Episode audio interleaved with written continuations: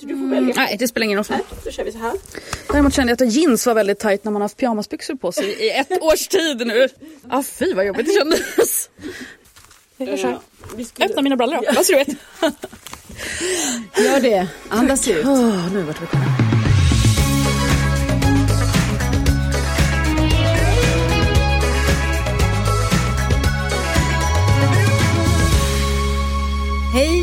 Lisa Tallroth här och Pocketpodden avsnitt 86. I havsbandet mellan Härnösand och Örnsköldsvik ligger Ulvön. Och det är en sån där plats som människor blir betagna av. Bottenhavets pärla. Och hit kommer Fredrik i hopp om att finna sin försvunne bror. Men istället så blir han indragen i en mordgåta med långa trådar bak i tiden. Ur askan heter romanen Lina Areklev heter författaren och hon är min gäst idag. Och sen ska jag prata med förläggare Karin Linge Nord om två riktigt drabbande berättelser. Janine Cummins, Amerikansk jord och Conny Palmqvist, Nästan bra på livet. Så ser det ut och nu börjar vi.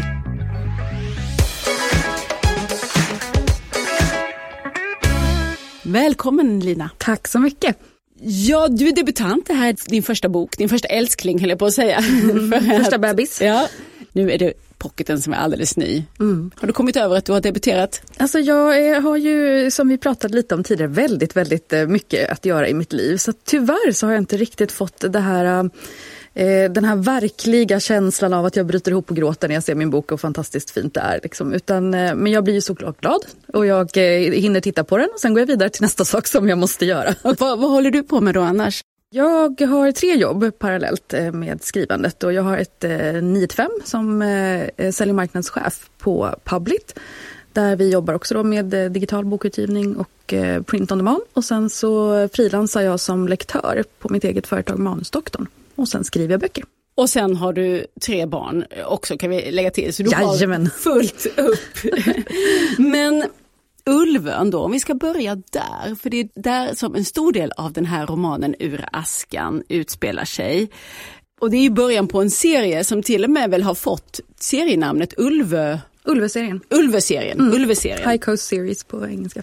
Men berätta om den här platsen, Ulvön. Vad är det för plats och vad betyder den för dig? Jag eh, satte fot på Ulven första gången när jag var kanske ja, säg fem, sex kanske. Det, det ligger ju väldigt nära där min mormor och morfar bor, Köpmanholmen, som ligger på fastlandet. Och min mamma jobbade på hotellet som stod där förut, det gamla hotellet. Och då fick jag följa med på somrarna och bo där. Och springa lös på Ulvön. Eh, och det är en sån magisk plats så att man måste besöka för att förstå. Det är så pittoreskt vackert. Speciellt när nya hotellet har kommit också. Det är kulinariskt. Det är ett, verkligen värt ett besök bara av den anledningen. Och man kan äta annat än surströmming. Ja, för det är Ulven känt för. Surströmming görs det. Så jag föreställer mig att det låg lite som en doft i, över hela ön, men så kanske det inte är. Nej, så är det faktiskt inte. Inte nu längre heller, va? för man, eh, hur, hur var det? Jag snabbgooglade det där med surströmming och hur är det? Görs det fortfarande? I väldigt, väldigt liten skala, men det finns inget aktivt salteri. Jag tror 83 kan, tror jag att det stängde, det sista. Men eh, man kan ju fortfarande äta surströmming på flera restauranger där. Eh, I somras så åt jag och min kille surströmmingstappas bland annat. Väldigt smart, som jag, jag ser på dig att du tänker, vad är detta? Men det var väldigt, väldigt gott faktiskt. Om, vad, vad var det ni fick då? Eh, då var det olika tunnbröd, tunnbrödstappas då med surströmming och så var det till exempel syltad lök eller så var det äpple på eller det kunde ha varit någon, någon syrlig crème fraîche eller sådär till. Mm. Men så att, det här är ju ett gammalt, gammalt fiskeläge. Mm. Så att eh, det är ju den här typen av små trähus eh, som ligger in till vattnet, röda trähus. Verkar vara en fantastiskt vacker miljö och då har ju du valt denna idyll för att berätta en ganska blodig historia mm. som det ju blir. Eh, för hit kommer då Fredrik, han är en av dina huvudpersoner och eh, på ön så bor också den andra huvudpersonen Sofia Hjort. Jag funderar på vilken ordning vi ska ta det här paret för de får lite olika uppgifter här i din roman. Berätta om Fredrik som vi bör få lära känna från början. Mm. Fredrik är ju en väldigt trasig person när vi lär känna honom. Han har ju eh, som ung, eh, som barn, överlevt Estonia. Eh, och det har ju satt sina spår såklart hos honom och han förlorade hela sin familj där. Sin mamma och pappa och sin bror. Och eh, han har under de 25 åren som har gått till vi lär känna honom nu letat efter sin bror för han har alltid trott att han har överlevt och det här har ju också det hindrat honom liksom från att, eh, att leva sitt liv fullt ut. Eh, han är beroende av tabletter, ångestdämpande tabletter och eh, han har varit tvungen att lämna sin utbildning och eh, ja, han känner väl att han liksom inte riktigt har kommit dit han vill i livet. Mm. Och det är ju just för att han tycker sig se sin bror, han tycker sig se sin försvunne lillebror stå och prata med en, en person som visar sig vara en stor hotellägare och eh, i sin desperata jakt att försöka reda ut om det här verkligen var lillebror så, så följer han efter den här mannen och det är på så vis han hamnar upp på Ulvön. Men, men, men det här att du har gjort Fredrik till en Estonia-överlevare, hur kom det sig? Men det har alltid varit viktigt för historien, det kommer att vara viktigt fortsättningsvis också, att det, det kommer att handla om människor som har överlevt någonting. Eh, och att överleva Estonia är ju väldigt eh, dramatiskt i jämförelse med att eh, i en, en, vanlig persons liv så kan ju det vara att överleva en skilsmässa. Eller överleva att förlora ett jobb.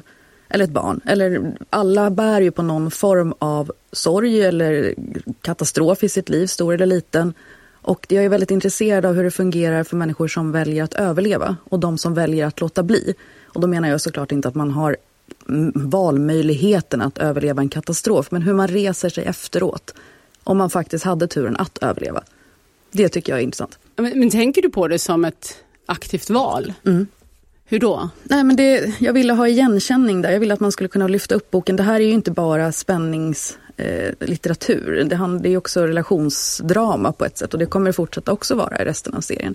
Jag ville att man skulle kunna känna igen sig i just det där att när man står i vägskälet, hur ska jag göra nu? Ska jag lägga mig ner och bryta ihop eller ska jag resa mig? Och det att det blev då Estonia som blev exemplet i Fredriks fall här som trauma. Finns det någon anledning till att du fastnade för just Estonia. Har du någon relation själv till den Nej, här det förlisningen? Nej, Nej, det har jag inte. Det hade kunnat varit vad som helst. Det, det, är att jag vill att man ska kunna relatera till och förstå att det här var en stor katastrof. Och det här är någonting som verkligen sitter som ett sår i svenska folksjälen. Alla förstår sig på eh, Estonia och var liksom, ja, har någon typ av relation till, till den här händelsen. Ehm, sen är jag också själv fruktansvärt rädd för färjor och eh, ja, så att det, det, var, det var lätt att välja det för mig, lätt att skriva om det för mig. Mm. Dock väldigt liksom, traumatiskt att göra research. Ja, hur gick du tillväga där? För du, gör ju, du låter ju Fredrik göra en del återblickar. Vi rör oss överhuvudtaget genom romanen eh, mellan olika tidsplan. Mm. För det är ju händelser i det förflutna som nu så småningom kommer ikapp eh, huvudpersonerna.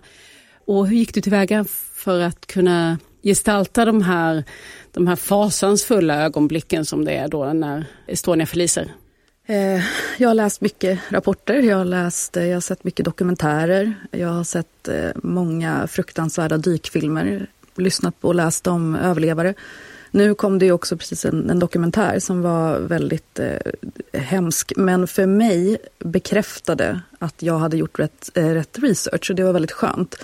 Och jag har heller, för jag får ofta frågan, så här, är det någon som har hört av sig och sagt att varför liksom, trampar du i det här eller varför använder du det här liksom, skönlitterärt? E- eller det här stämmer inte och det har jag inte och det känns väldigt skönt att man har närmat sig det här på ett respektfullt sätt, förhoppningsvis.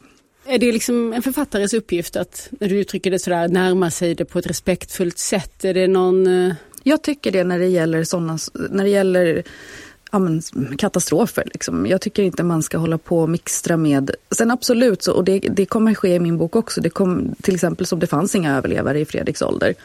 Och det, det har jag ju gjort medvetet för att jag vill inte använda någon annan, eh, någon levande person liksom, som förebild. Och jag tycker att man ska vara respektfull mot sådana här händelser. Speciellt om man använder skönlitterärt. Och, och vad skulle kunna vara att inte vara det, tänker du?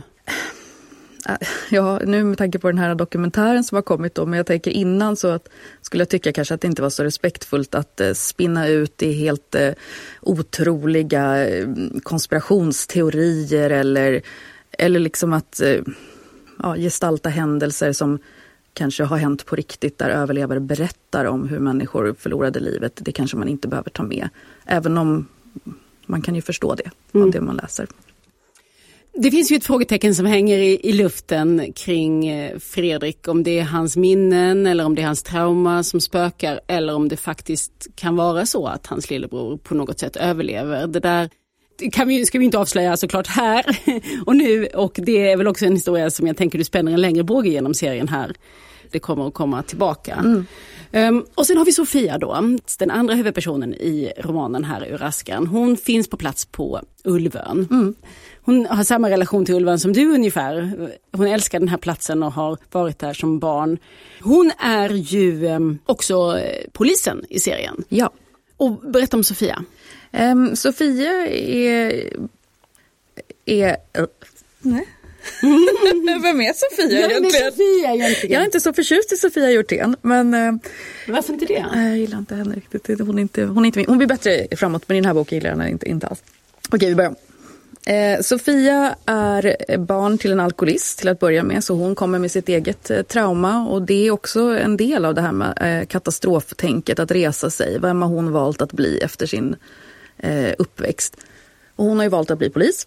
Hon gör det här med bravur, hon är väldigt plikttrogen, hon är ganska fyrkantig och eh, hon eh, har då återvänt till Örnsköldsvik efter att ha jobbat i Stockholm i ganska många år. Och där finns det också en ganska rolig dynamik hur det är att komma tillbaka från att ha varit i storstan och eh, ha jobbat eh, väldigt högt uppsatt inom polisen och hur det är att komma tillbaka till Ja, det är ingen merit förstår man i, i de andra polisernas ögon. Hon blir ja. väldigt pikad för att hon skulle på något sätt tro att hon är för mer bara för att hon har varit i Stockholm och jobbat. Ja, precis. Men sen så finns det ett drag som är väldigt likt hos henne som hos Fredrik. Hon är väldigt ensam. Eh, hon har ju inga föräldrar och eh, hon har inga syskon. Hon har ingen man eller fru utan lever ju ganska isolerat. Men så osympatisk vet jag inte om jag tycker hon är.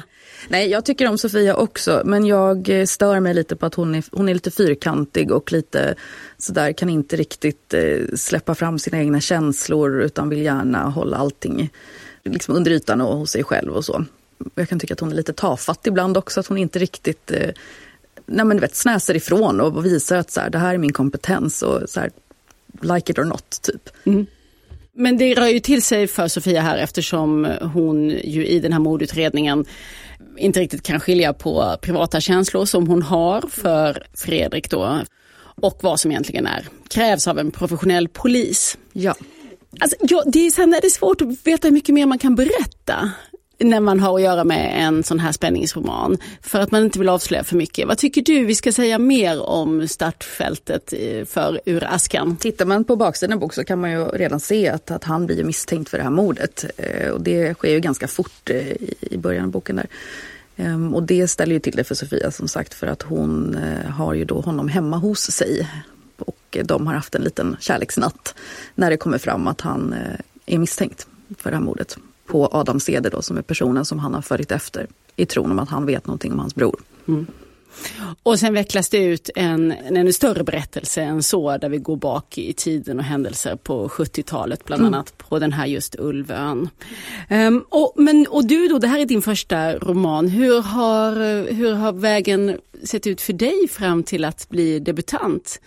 med den här berättelsen? Den har varit lång, mycket lång. Eh, den började, jag tror jag började skriva 2011 på den här boken och det var efter ett besök på Ulven. Årliga sommarbesöket. Så jag har alltid velat skriva. Det, det, det har alltid varit det min dröm att skriva. Och jag är löjligt fascinerad av mord och blod och död. Så att det föll sig väldigt naturligt att det skulle bli spänning. Och eh, jag höll på lite på sidan om medan jag jobbade på och eh, födde barn i rasande takt. Jag började väl satsa ordentligt någon gång runt 2017. Då bestämde jag mig för att det här ska bli en, en bok som, en utgiven bok. Och jag ska göra vad som helst för att det ska bli så. Sagt, den eh, 22 februari 2017 la jag in en flaska champagne i, i kylen och tänkte den här ska jag öppna när jag får det här fantastiska svaret. Den fick åka med några gånger fram och tillbaka till sommarstugan. Det var lite falukorvsfläckar på den och sånt där innan jag faktiskt fick öppna den. Men eh, till slut så. För du har ju jobbat mycket med manus och text då som lektör och, och redaktör vad, vad skulle du säga är skillnaden mellan att vara en manusdoktor då som du kallar dig mm. i det sammanhanget när du, när du hjälper andra och att faktiskt själv vara författaren? Det som är fördelen är att man kan grunden. Att man har någonting att hålla sig i. Och det var ju, det måste jag ärligt säga, att det var ju det som gjorde. Jag fick lite intresse från några förlag innan jag utbildade mig till lektör. Och sen utbildade jag till min lektör och sen så gjorde, skrev jag om manuset och då hade jag eh, fem erbjudanden om utgivning samtidigt. Vad var det du hade fått till då? Nu har det gått upp ett ljus där någonstans. Ja, men jag tror att man, liksom, att, det, att man måste förstå att det är ett hantverk. Det är inte bara eh, skriva vackra ord och liksom presentera spännande karaktärer utan det måste göras i... Det finns en tågordning. Man måste göra det så att det blir spännande. För, och då menar inte jag spänningslitteratur utan det måste bli intressant för läsaren att fortsätta vända blad och tänka vad händer nu? Vad händer nu? Vad står på spel? Och det kan ju vara romanser eller liksom vilken typ av roman som helst. Så är det väldigt viktigt. Och det hade jag nog inte riktigt satt innan. Utan då fanns det intresse för ja, men karaktärerna och det här med Estonia och så. Men att det höll inte riktigt i dramaturgin.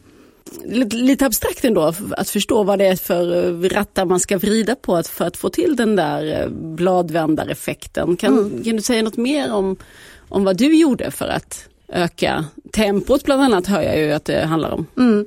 Nej, men det, det handlade mycket om att, att se det som en karta. Liksom. Att plotta in, vad, här ska vi ha en början, här ska vi ha en mittpunkt, här ska vi ha ett klimax på slutet. Däremellan måste vi slänga in lite vändpunkter som, som gör att läsaren blir lite fundersam. Jaha, vänta, vad var det här nu? Man måste kunna se karaktärerna växa från början till slut. Det är jättetråkigt att läsa om en person som är exakt likadan i början på boken som i slutet på boken. Eh, det går absolut. Det finns ju många som har sina vanliga liksom Martin Beck-kommissarier. Men även de utsätts ju lite för förändringar i förhållanden och barn. Och, och det är jätteviktigt för mig. Jag vill att man ska kunna jag vill att man ska vilja följa mina karaktärer först och främst och se hur det går för dem. Hur de växer och hur de förändras. Och sen, eftersom att jag själv tycker att det är kul med spänning så ska det såklart vara en spännande gåta i varje bok. Mm. Har du själv några litterära förebilder? Jag är väldigt förtjust i Ninni Schulman. Alla deckardrottningarna är förstås mina idoler. Men eh, jag gillar hennes, sätt, eh, hennes vardagsrealism. Jag gillar verkligen det här att man kan, man kan känna hur det är på eh, Magdalenas svettiga mm, tidningsredaktion. Eller man kan liksom se när man står och torkar kaviar från diskbänken för barnen har ätit limpmackor. Sånt tycker jag är väldigt effektfullt att lägga in i någonting som annars är en ganska otrolig historia. Det, det är ju så faktiskt när man skriver spänning att eh, man måste ju kunna med glimten i ögat se att det här är lite extra fyrfärg för att oftast så går det inte till så här om man kollar på, på brott i Sverige idag. Nej. Och om vi vänder på det, att du har blivit författare och också for, med den erfarenheten fortsätter att jobba med andras manus, tycker du att det har, har du blivit en annan slags läsare eller? Ja, tyvärr. Eller ja, tyvärr Efter så. att du själv har debuterat, menar jag. Ja, eh, nej, men det skulle jag nog inte säga att jag, att jag har. Men däremot efter att jag utbildade mig till lektör så har jag ju förstört nöjet lite grann av att läsa ibland. För att man tittar med väldigt kritiska ögon. Och vad, vad är det de kritiska ögonen slår ner på? Eh, jag stör mig väldigt mycket på när man överförklarar saker och ting. Jag säger ofta till mina författare, lita på läsaren. De är smarta. Man läser inte spänning om man inte vill liksom plocka upp de här olika ledtrådarna. Lita på att läsaren hittar dem. Du behöver inte lägga det på näsan och förklara tre gånger till att nu lyfte hon på den här koppen och under koppen, där låg ledtråden. Um, så det tycker jag är viktigt och jag stör mig när folk inte håller det. Samma också när, när det inte följer en bra dramaturgi. Det är verkligen A och O, jag tjatar om det men det... Mm. Okej, okay, så det låter ju som att du har Liksom, du har gjort din karta, du har klart för dig hur du vill skriva och att du vill ha tempo och hela hantverket här som du har beskrivit. Men sen har du ju också tagit dig an en väldigt stor och svår fråga i din tematik. Detta hur reser man sig efter en katastrof? Mm. Jag tänker det är inte lika lätt att, att kartlägga sådär hur, hur det går till. Det är ju ett psykologiskt eh, arbete och insikt. Eller känner du dig lika liksom säker på hur det ska gå för dina huvudpersoner här, Fredrik och Sofia, som båda måste liksom ut på den här resan nu? Nej, men, eh, första frågan att, att det är svårt och det är det ju, men det är också intressant för att det är så olika för olika människor. Det är så lätt att säga så här, äh, res på dig nu, borsta av dig, fortsätt, om man är en sån person. Eh, och då kan de personerna kan gå igenom helt fruktansvärda svårigheter och ändå resa sig. Och sen finns det andra personer som ska jag säga, skörare men som, som kan gå igenom något mycket, mycket mindre och inte klara av att resa sig. Och Det tycker jag är intressant och det kommer jag fortsätta titta på. Eh, och vad det gäller om jag har klart för mig och Fredrik och Sofia hur det ska gå för dem, det har jag faktiskt väldigt klart för mig. Jag är lite tråkig på det sättet. Jag har nog klart för mig hur det kommer gå ända fram till slutet på serien faktiskt. Hur många delar ska det bli? Tio har jag tänkt. Ja. Det, och då är vi bara i början här. Jajamän. Det är, en, lång båge men jag gissar att varje del ändå kommer få någon slags delupplösning. Absolut. Också. För tvåan är eh, redan i vardande va? Mm. Fortsättningen på Ur askan. Man vill ju gärna att den ska heta I elden. Men det ska ja, den inte. Det ska den inte heta faktiskt. Eh, jag vet inte om jag får avslöja vad den ska heta heller. Men eh, det kommer att vara liknande titlar i alla fall. Det är ett önskemål som jag själv har. Och hela serien heter då Ulvö-serien. Ja. Men du, vad säger Ulveborna nu? Kanske du kommer dra dit en massa folk som vill ut och spana mordplatser? Alltså det är ju faktiskt min förhoppning eh, att få dra dit fler turister. Sen kanske inte riktigt uh, Ulveborna håller med om det just på sommartid men eh, det, det, finns ju så otroligt mycket att göra där och uppleva och eh, det är ju mycket turister på sommaren. Så att eh, hittills har det varit eh, odelat positivt. Jag har haft en person, en äldre herre som skrev till mig på en Facebook-sida att han var väldigt upprörd över att jag skulle lägga lik på hans ö. Men, på hans ö? på hans ö. Men ehm, ja, utöver det så har folk varit otroligt hjälpsamma och tycker att det är roligt och vill bidra med information. Jag ska åka upp nu faktiskt på sportlovet och hyra en stuga eh, där det går ingen buss och det går ingen båt just dit utan det blir att pulsa i snön fem, fem kilometer. Affären är ju heller inte öppen på vintern så det blir många burkar eh, jag, jag tycker bara där har du liksom upptakten till jag sa också en spänningsroman. Precis. Du ger dig ut i obygden, avskuren från allt. Precis. Där kommer jag sitta. Ja, vi hoppas att du tar det levande därifrån. Men du, eh, jo du sa att det finns så mycket att göra på Ulven. Vad gör du? du nu är du där då som för att sitta och skriva förstår jag och leta mm. inspiration. Men vad är annars? När du kommer till Ulven, vad är det för eh, vad gör du där och vad är det som... Jag tar mig alltid till eh, sjön som ligger mitt på ön där det ligger en kyrkogård. Det är av någon anledning superviktigt att ta sig dit och titta. Jag har ingen som jag känner som ligger begraven där men det är så vackert så att det, det gör ont. Helst skulle jag vilja sitta där och skriva men jag tror inte folk skulle uppskatta det riktigt. Ehm, man går till hotellet, man äter, man tar sig ett glas rosé, man eh, testar surströmming, man eh, åker över till andra sidan ön, norra sidan. Där kan man hyra stugor och bada, jättevacker sandstrand. Man kan paddla, man kan eh, åka vattenskoter, man kan gå ut och gå i naturen. Bottenhavets pärla mm. läste jag att Lubbe Nordström hade kallat mm. den här ön. Så att du är inte den första författaren att sätta Ulvön på kartan då? Nej, men han har skrivit jättemycket om ön och sådär. Mm, han bodde visst också där en tid. Men du, vi pratade om din uppföljare men jag tror inte vi nämnde när den kommer. I oktober kommer uppföljaren. Och till dess får man då ladda upp med första delen Ur askan heter den. Och tusen tack Lina Areklev för att du kom hit. Tack så mycket. Stänga mina byxor. Pocketpodden. Ja, den här veckan har jag förstört sömnen inte bara en utan två nätter för jag har haft såna här riktiga bladvändare som jag inte kunnat släppa. Ena natten var det Janine Cummins, Amerikansk jord och den andra är Conny Palmqvists Nästan bra på livet. Förläggare för bägge dessa böcker är Karin Linge Nord på Basar förlag och eh, Karin, om vi ska börja med Janine Cummins, Amerikansk jord har fått mycket internationell uppmärksamhet, inte minst i USA där den också orsakat en del debatt. Men berätta, vad är detta för en historia? Ja, det är en av förra årets mest omdiskuterade och kritikerade amerikanska romaner som beskrevs som den stora amerikanska romanen, den stora läsupplevelsen. Och den handlar om en eh, mexikansk kvinna som heter Lydia som tvingas att fly från sitt hem i Acapulco, Mexiko tillsammans med sin åttaåriga son. Och det är efter att hela hennes familj har blivit utplånad som en hämnd för att hennes man som var journalist har skrivit ett avslöjande reportage om en knarkledare, eh, eller en, en ledare för en knarkkartell, Los Jardineros. Och eh, det är en otroligt drabbande historia om vad det innebär att vara på flykt. Att, eh, de, de tvingas ju iväg från sitt hem eh, till fots, eh, via buss och de här fruktansvärda godstågen som man, som man eh, klänger sig fast på taket och 200 mil mot en förhoppning om en trygghet i USA. Eh, och för mig så blev det en så otroligt drabbande upplevelse just för det här att vad man är förmögen att göra för att rädda de man älskar och också vad det verkligen innebär att vara på flykt. Det, man läser om alla de här tidningsartiklarna om människor men tyvärr så, så blir det liksom, det blir statistik. Man, man drabbas av det men inte liksom riktigt så känslomässigt på djupet som man gör när man får ta del av den här levnadsödet av hur det verkligen känns att befinna sig i den här fruktansvärda helvetet som det innebär. Men också många starka relationer på vägen. Verkligen. Här, som eh, människor de möter Lydia och, och hennes son Luca längs med. Ja, bland annat så möter de ju ett syskonpar, två systrar från Honduras som även egentligen de mer typiska flyktingarna skulle jag vilja säga.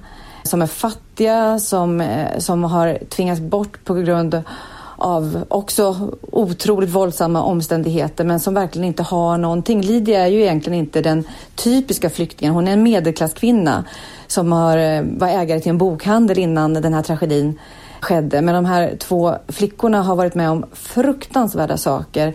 Men mellan eh, de två systrarna och Lydia och hennes son Lukas så skapas ett ett starkt band och de hjälper varandra. Så att det, det finns så mycket grymhet och, eh, alltså som de möter men också medmänsklighet och gemenskap. Och det är väl det som på något sätt skapar hoppet i den här romanen. Mm. Och bara hur det rent faktiskt praktiskt konkret går till, behöver gå till för de här migranterna är intressant i sig, hur resan steg för steg eh, går till. Men du, jag tänkte på titeln, för jag funderade så på den, amerikansk jord har ni gett den svenska titeln och på engelska heter den American ja. Dirt. Vilket ju är en liten annan betydelse den... faktiskt. Hur tänkte du där kring den svenska titeln? Ja, jag kan lova dig, jag har haft timmar av huvudbry över den här titeln. För naturligtvis vill jag också hitta en, en titel med den dubbeltydigheten som American, äh, American Dirt har.